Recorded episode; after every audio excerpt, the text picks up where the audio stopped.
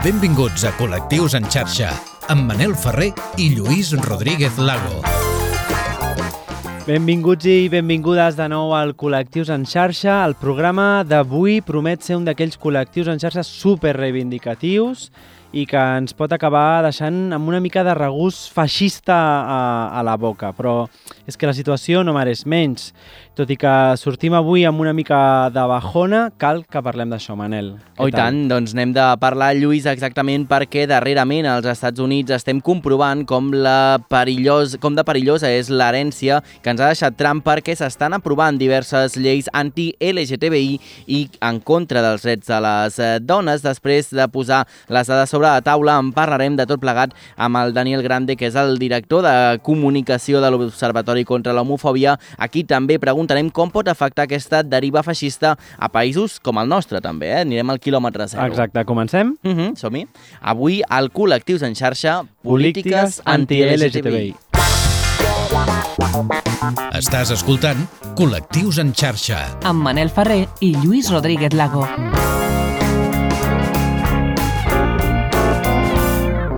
I què, comencem per saludar Oh, tota tant, aquella gent sempre, que sempre. ens segueix, que ens veu a Instagram Mhm. TV, a YouTube, Exacte. que ens segueix a les en xarxes. plataformes, a les ràdios locals, a tot arreu, Exacte, eh? Ens fa retuits a, a Exacte, Twitter. i que comenten. M'agrada que molt també quan comenta, ens sí, comenten sí, o ens sí, proposen tant, tant, temes. Dit això, Lluís, avui hem dit que estem prou reivindicatius. Una miqueta Anem sí, a posar perquè en clar, context. la situació és molt preocupant als Estats Units i és per això i per les conseqüències que pot tenir per altres països del món les decisions que es prenguin en aquest país, com per exemple el nostre, Mhm. que dediquem aquest episodi a analitzar les polítiques anti-LGTBI i contra les dones que s'estan aprovant en aquest país. Però per què està passant ara i què en aquell país, ara que en aquell país hi governa un president del Mhm. partit d'Obama, no? els Exacte, demòcrates. sí, per sí. què està passant ara? Doncs perquè encara eh, ara estem rebent les herències dels governs dels eh, Partit Republicà i del qui va fer president a Donald Trump o a George Bush. La composició del Tribunal Suprem dels Estats Units depèn del president de torn i hi ha magistrats més progressistes i d'altres que podríem eh, catalogar-los com a més conservadors. O que els cataloguem directament Exacte. com a superconservadors. En aquest cas, po- posem el focus, per exemple, en el senyor Clarence Thomas, de 74 anys, un jutge del Tribunal Suprem dels Estats Units. També et net- dic que 74 anys jo no tinc res en contra de l'edadisme, però jo crec que No, arriba un moment que no, perquè potser... vivim a Barcelona i ja sabem qui es sí, presenta. Però exacte, però hauríem de deixar córrer una mica a vegades l'aire en tot, eh? però bé, això, sí. això. Doncs aquest senyor és net d'esclaus, Uh -huh. Eh, sacerdot frustrat i capdavanter de la dero derogació de l'avortament, que casualment es va veure immers també en un Mm. cas d'aquest senyor d'abusos sexuals l'any 1990 Sí. i a qui ara també se li atribueixen delictes de malversació per uns viatges de luxe que es, que es veu que va fer amb uns amics i que no va acabar de, de, de declarar. Uh -huh. Aquest jutge, per exemple, el va escollir George Bush. Aquest és un dels senyors que ha fet que l'avortament a alguns dels estats eh, dels Estats Units sigui il·legal. Al juny de 2022, el màxim tribunal va fer marxa enrere amb la sentència Roe versus Wade de 1973 i va donar peu a una ofensiva conservadora per legislar en contra del dret de l'avortament a cada estat, però al mateix moment també es va vo- voler avançar, per exemple, contra la identitat de gènere. Uh -huh. En el que va de 2023, estem al maig, s'han presentat 100, 136 projectes de, lle de llei en les legislatures estatals per prohibir o limitar l'atenció a menors d'edat en matèria d'identitat de gènere. Un total de 13 estats, per exemple, han promulgat lleis que prohibeixen la medicació o l'atenció quirúrgica per a joves trans. I com a part d'aquestes iniciatives, Polítiques Cruels també està avançant de manera encara més radical la llei Don't Say Gay, que és eh, No diguis gay, estenint la prohibició de les eh, discussions sobre els temes LGTBIQ fins al eh, final del vuitè grau, prohibint de manera contundent el reconeixement de les identitats trans en eh, mestres i els mestres no se'ls permetrà en alguns estats informar els estudiants sobre els seus eh, pronoms si el seu gènere no coincideix amb el sexe mm -hmm. que se'ls va assignar en el moment de néixer i també la legislació evitarà algunes formes d'acció disciplinària contra estudiants o mestres que confonen el gènere d'una persona trans. És a dir, que no podran ser represos Exacte. els alumnes que mm, et cridin per Mhm. un pronom que no és el que tu consideres. Uh -huh. Aquesta llei està intentant esborrar de manera efectiva a les persones trans mans del sistema d'educació pública per complet,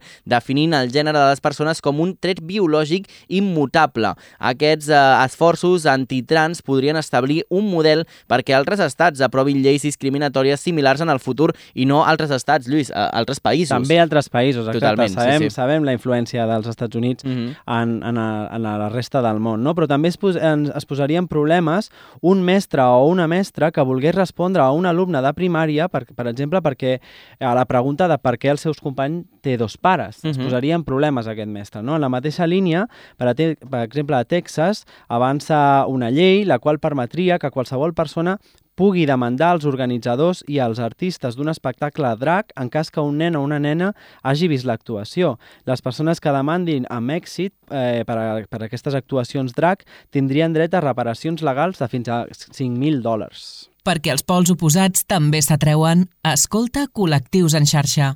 Algunes de les lleis dels Estats Units les defineixen sentències que causen precedent, és a dir, que no són els governs Mhm. Qui promouen sempre aquestes lleis. És per això que, per exemple, el Congrés dels Estats Units ha aprovat definitivament una llei per protegir en tot el país drets, del, drets com el matrimoni entre persones del mateix sexe, perquè aquest Tribunal Suprem Sí. no pugui iniciar accions en contra. I el risc que el Suprem canviés de criteri es va posar de manifest en un vot particular en la sentència sobre l'avortament del juny passat i el jutge Clarence Thomas, que en parlàvem al principi Mhm. del programa, de qui fèiem menció, eh, doncs deia que la majoria conservadora convidava a revisar altres precedents, entre ells el que va legalitzar el matrimoni entre homosexuals en tot el país. Lluís, que fixa't que tenim alguns episodis en els quals parlem del matrimoni Mhm. eh, LGTBI eh, com un avançament, doncs sembla que ara podíem tornar un altre cop cap Podríem enrere. tornar eh? enrere, sí, sí. Arran d'això, els demòcrates van eh, proposar en el Congrés blindar-lo mitjançant llei. Exacte. Malgrat aquesta victòria, les amenaces per al col·lectiu LGTBI continuen vigents. El Suprem estudia ara un, uh, un cas en què haurà de traçar fins a quin punt la llibertat d'expressió es pot utilitzar com a argument per permetre, per exemple, mm. la discriminació a parelles del mateix, del mateix sexe. El cas és que fa uns dies va tenir lloc una vista i els magistrats conservadors semblaven inclinats a donar suport a una dissenyadora de Sí. pàgines web que es va negar a fer-la per, per fer la, la web per noces de persones eh, homosexuals. Mhm. Aquesta seria la primera vegada en la història que, en la que el Tribunal eh, Suprem digués en, que un negoci comercial obert al públic pot negar-se a servir a un client per motius de raça, sexe, religió o també d'orientació sexual. És a dir, Lluís, que tot el que estem llegint ens porta com a molts anys, Molts anys eh, enrere. moltes dècades enrere. Eh? Mhm, sí, sí. mhm, en un pas. Mhm. Aquests fets que narrem avui al col·lectiu estan fent que algunes persones del col·lectiu LGTBI pensin fins i tot en buscar asil en altres països. Exacte, i això n'hem parlat moltes vegades Exacte, també amb també. convidats que ens ho han explicat. I Mhm. seguim perquè, per exemple, Kansas ha aprovat una llei que defineix a la dona com algú biològicament nascut de sexe femení. Defineix una dona com algú al sistema reproductor biològic de la qual està desenvolupat per produir òvuls, és a dir, com si fos una, una, Una fàbrica, podríem dir. Sí, També, sí, sí, sí, totalment. sí, totalment, sí, sí. Mentre que un home es refereix a qualsevol al sistema reproductor del qual està desenvolupat per fertilitzar els òvuls d'una dona. És a dir, està casant l'home i la dona I estem definint-nos exacte Totalment. per Mhm. la, per la genitali Sí, sí. genitalitat. No? D'altra banda, els legisladors de Carolina del Sud també estan estudiant una resolució conjunta per modificar la seva Constitució, la Constitució de l'Estat, i definir el sexe com el sexe biològic en néixer. Mhm. De fet, Lluís, amb això que eh, ara dèiem, no? de, de la definició de la dona, ja està deixant fora a totes aquelles dones que no tenen la capacitat eh, de produir òvuls. Per no? exemple, Per clar, exemple, directament. totalment. Eh? També trobem que a Tennessee Mhm. eh, acaben eh, d'aprovar noves mesures legislatives i va camí de convertir-se en el cinquè estat que incorpori la prohibició total de les intervencions quirúrgiques i farmacèutiques de gènere per a nens. A més, han pres el camí per il·legalitzar la realització d'espectacles drag amb contingut sexual per a nens. En resum, aquesta onada de lleis anti-LGTBI que s'estan donant als Estats Units podrien fer que es Sí. limités o directament es prohibís la discussió de temes d'orientació sexual i identitat de gènere a les escoles públiques. O es limités eh, l'accés de joves trans a tractament sanitari que tingui a veure amb eh, aquesta afirmació de gènere. i també es limités la participació de joves trans en esports femenins. I per fer-ho, els doctors es podrien enfrontar a 10 anys de presó, atenció, 10 anys de presó presó si faciliten eh, blocadors de pubertat, hormones i altres eh, procediments mèdics a menors trans. És a dir, Lluís, que en comptes d'anar cap endavant No, no. no? i afavorir les persones, serà tot el contrari. És a dir, si tu ajudes a una persona no? i el limites a fer bé la teva feina, doncs pot ser eh, sancionat, no? Mm -hmm. I en el cas que qualsevol pare tingui referències que aquests temes eh, relacionats amb el col·lectiu s'han discutit a classe, pot denunciar el districte escolar en el qual estudia el seu fill i rebre una compensació econòmica si guanya el cas. Mm -hmm. Estem parlant, mm, hem posat els Estats Units sobre la taula perquè està passant això en un país que, que l'altre dia, quan vaig anar a una, a una presentació d'un llibre, Mm. mm. vaig sentir una cosa que em va fer molta gràcia, que és que Sí. quan, quan es veu... Un, ah, hi havia un company que deia que quan et fas gran descobreixes que els Estats Units no és el país més civilitzat del món. Sí, és una perquè cosa és com allò quan tots volem anar-hi a viure, Exacte. no? I quan ens fem grans diem, ui, potser Cuidao, no. cuidao. Sí, sí. I l'estem posant sobre la taula justament perquè mm, moltes vegades té una gran influència sobre altres, mm, per, sobre altres països i perquè molts partits s'emmirallen, molts Mhm, partits polítics, per exemple espanyols, es poden eh, o s'han arribat al, al, al llarg de la història a emmirallar en moviments eh, legislatius i polítics que, s'ha- que han passat en aquell país. Clar, I a més també, Lluís, amb el pretext de dir, escolta, no, no, si ho han fet als Estats Units, Clar. serà que funciona, no? Perquè al final el tenim com a referent de tot, Mm. no? Com a Mm. referent econòmic, social, cultural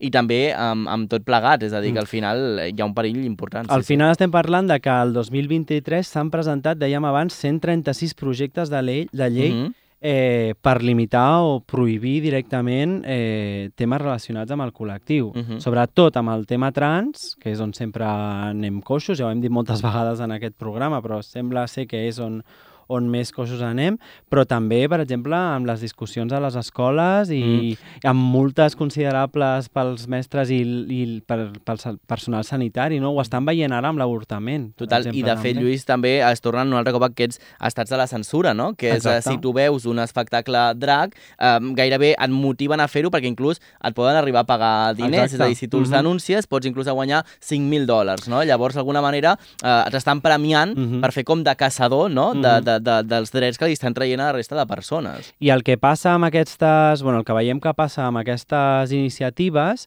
és el que vaig trobar l'altre dia, per exemple, a Twitter, no? Mhm. Al final d'un espectacle o a les portes d'un espectacle drag hi havia tot una, un seguit d'homes nazis cantant, o sigui, amb el braç alçat, Sí, sí, sí. esperant que, que sortissin els artistes i les artistes doncs, per reprendre-les, no? Mm -hmm.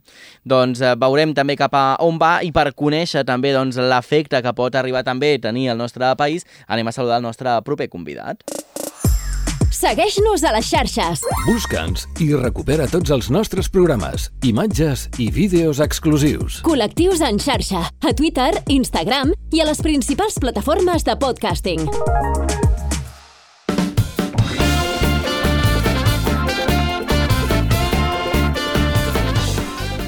I avui tenim la gran sort de tenir de, al Col·lectius en xarxa en Daniel Grande de l'Observatori contra l'Homofòbia. Com estàs, Daniel? Què tal?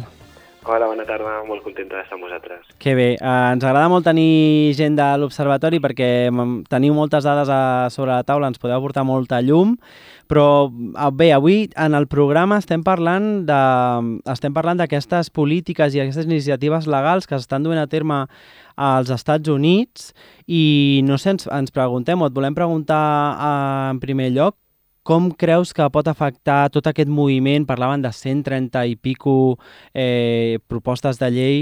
Eh, com pot afectar tot aquest moviment a països com el nostre? Bé, nosaltres estem preocupades perquè, bueno, eh, com sabeu, tenim contacte amb diferents observatoris Mhm. a, a nivell internacional i, i a Milga Europa, i estem preocupades per aquesta onada eh, regressiva que, que estem veient tant als Estats Units com a molts països europeus. De fet, eh, tota aquesta remor, al final el que acaba condicionant és eh, una mica l'agora pública i el que es qüestiona són els nostres drets. Clar, totalment. De fet, eh, Daniel, et volíem preguntar justament per això, no? perquè al final sembla que eh, cada cop que apareix una llei o cada cop que hi ha un canvi de govern o que hi ha algun moviment doncs, en les altres esferes, al final eh, sembla, sempre sembla que aquests eh, drets, els nostres drets, estiguin sempre pendent d'un fil no? i que qualsevol que ho vulgui pugui acabar atentant en compte de, de les nostres pròpies llibertats. Sí, no és novedós, eh? De fet, ja. eh, veiem aquest fenomen pràcticament des de, des de l'era Reagan, eh? però Mm. Sí que ara s'ha accentuat molt el, el discurs d'odi al voltant de, de la dreta més extrema. No? Comentàveu el cas de Tennessee o, o el de Florida, però també mm, recordem els municipis anti-LGTBI de, de Polònia, Mm. les lleis de, per la família, mal anomenades de d'Hongria o d'Itàlia, etc etc. no? Vull dir, al final, eh, a poc a poc, i aquí l'estat espanyol, per exemple, la, la, la derogació de la, de la llei trans eh, i de la llei LGTBI que ha anunciat el govern d'Ayuso. Mhm. Clar, imagina't. És que tu ara deies, estem en contacte amb observatoris d'Europa. Quina és la sensació que hi ha? Tu parlaves de, de la preocupació, però estan passant aquestes coses a Europa també, eh? Exacte, sí. Eh, nosaltres bueno, estem eh, preocupades en tant que, que ciutadanes europees, però mm, això ens afecta a totes. A més, és una cosa molt important que, que entenguem que aquesta regressió de drets no és única de, del col·lectiu LGTBI, sinó que, que té a veure doncs, amb, amb els drets eh, humans i amb la dignitat de les persones, i va Mhm. més enllà de, dels drets LGTBI. No? Estic pensant també en l'avortament, amb Sí, el sí. dret a l'asil, etc. No? Mm Hem parlat també de l'avortament i de, de com ho estan passant també en alguns estats la, les dones de, als Estats Units. Des de l'Observatori eh, heu estat duent a terme accions com Compromís LGTBI, on us heu estat, eh, no? us heu estat reunint amb, amb candidats o membres de, de llistes de partits. Com està el tema a les candidatu candidatures, el tema de, del compromís LGTBI? Explica'ns una mica. Bé, nosaltres estem, eh, hem recollit fins ara eh, 105 incidències per violències o discriminacions vers el col·lectiu a Catalunya. Eh, creiem que és una dada molt significativa i per això hem interpel·lat a les diferents formacions que es presenten a, a les properes eleccions a, a precisament això, que signifiquin i que, i que posin damunt de la taula quins seran els aspectes que volen dur les seves candidatures per les properes eleccions. Eh, com comentàvem, estem preocupades per aquesta onada de, regressiva de, de drets i, i més enllà d'això pel discurs d'odi que, que a poc a poc va, va inoculant i, i fa un augment de d'aquestes incidències, d'aquestes violències i discriminacions. I la sensació, perdona, eh, Sí. Manel? La sensació és que estem nosaltres preocupades o la gent que està al capdavant dels partits eh, està, està també realment està veient aquesta preocupació, està veient aquesta, aquesta perillositat de tot plegat o a vegades es, es posen la, allò de l'etiqueta ara al, al mes de l'orgull mm. i s'acabarà la cosa?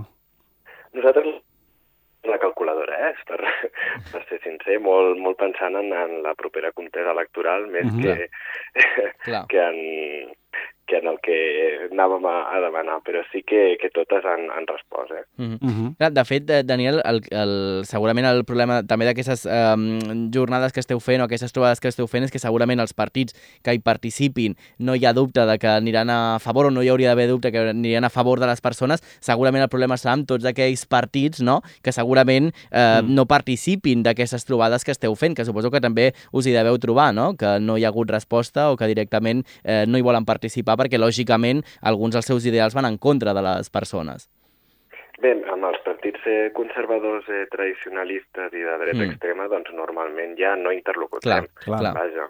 Mm. Són partits que, que o s'abonen a l'homonacionalisme, Mm. eh, que com sabeu és eh, aquesta idea no, de els nostres gais, sempre Mm. mm. gais blancs cis, Sí. eh, que són atacats doncs, per persones migrants, que és completament fals, eh, i és un discurs que entre nosaltres també hem de començar a erradicar. És això que ens I- fa Israel a vegades, que ara que està a Eurovisió per aquí rondant, no?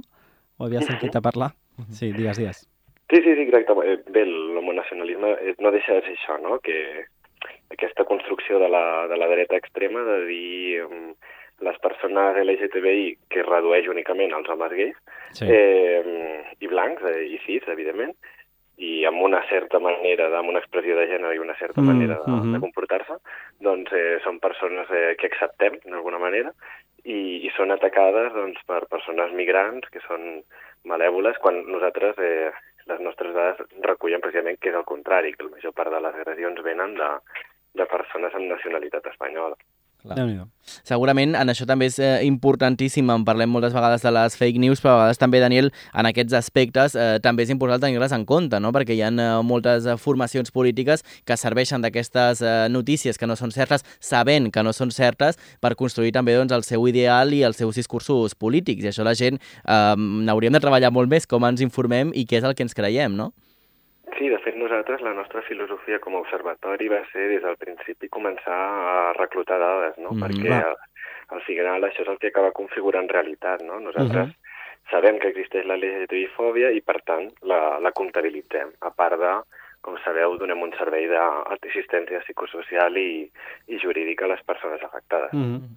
I ja que tenim aquí, eh, parlem una mica, si et sembla, de la, de la llei trans que hem aconseguit aprovar a les Corts Espanyoles.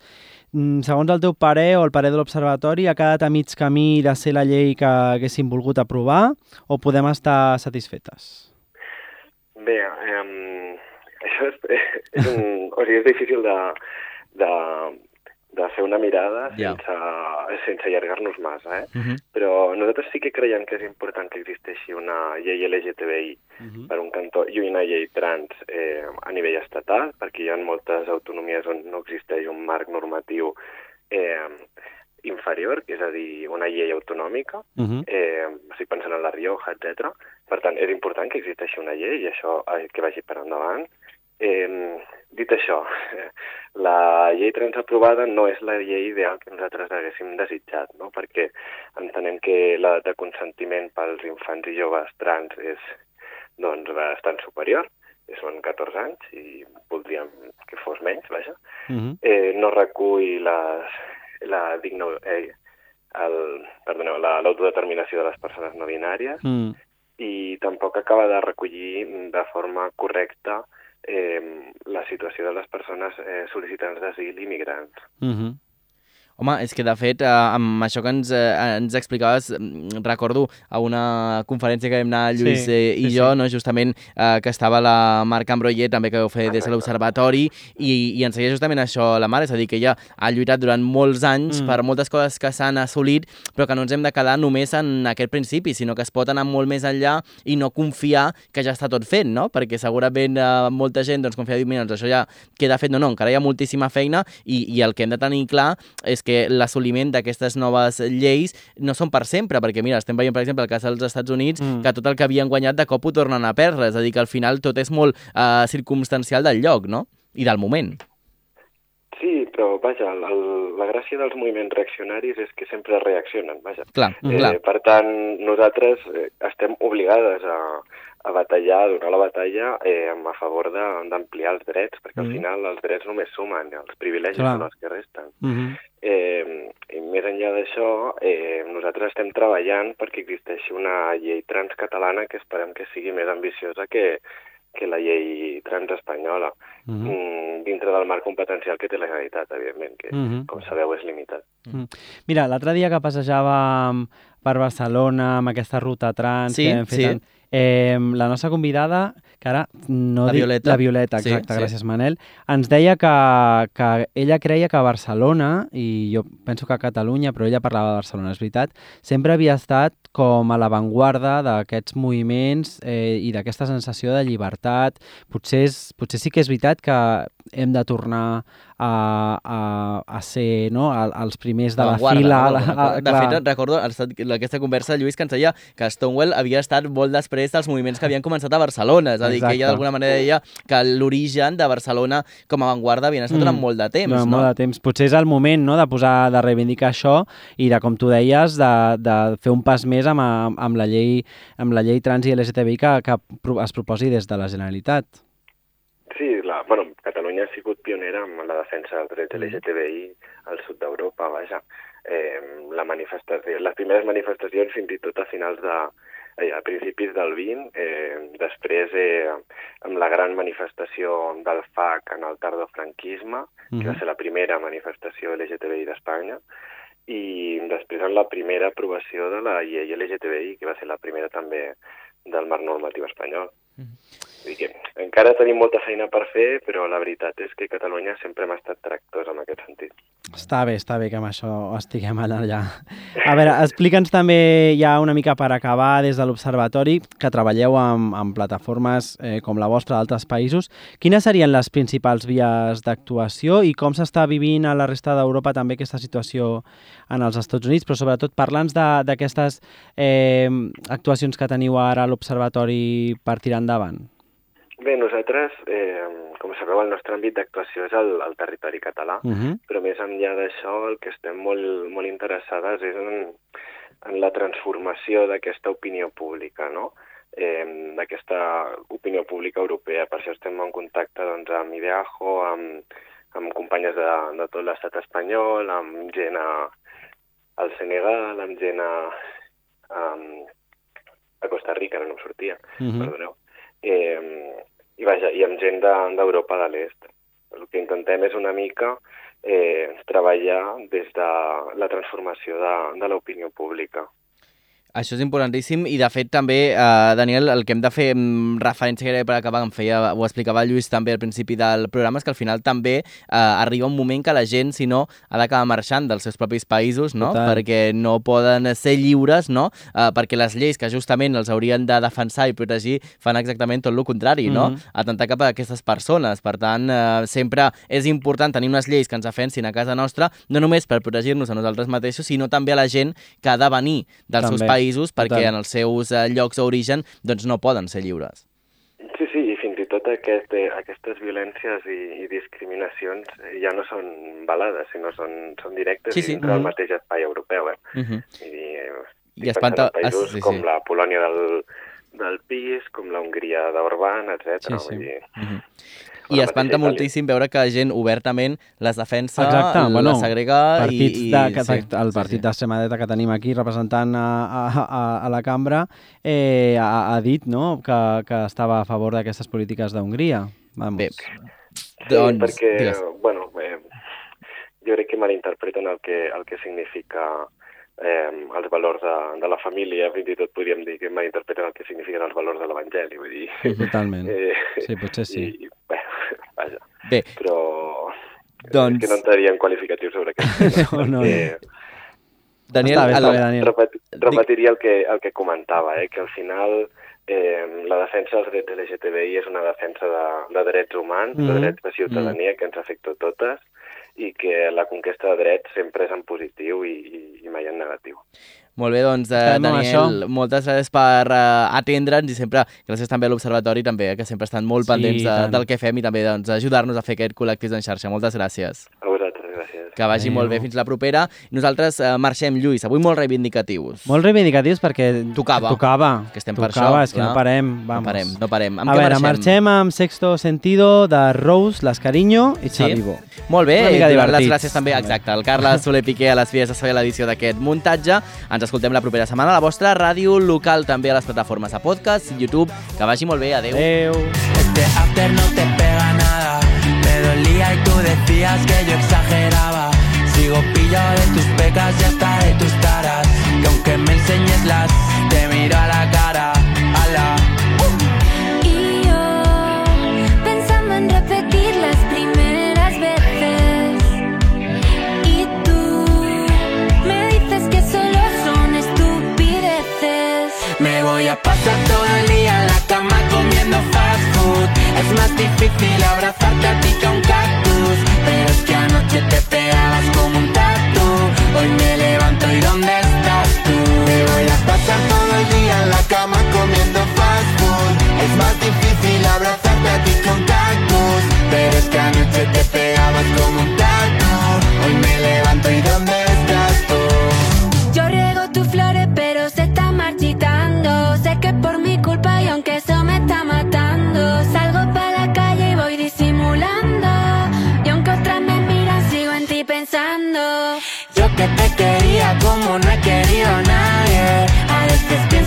mejor que esto se acabe Siempre peleas cuando yo me pongo suave Como al final de una rave Y yo pensando en repetir las primeras veces Y tú me dices que solo son estupideces. Me voy a pasar todo el día en la cama comiendo fast food.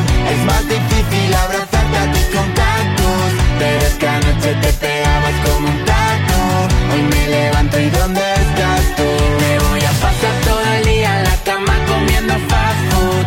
Es más difícil abrazarte a ti que un cactus. Pero es que anoche te pegabas como un tatu.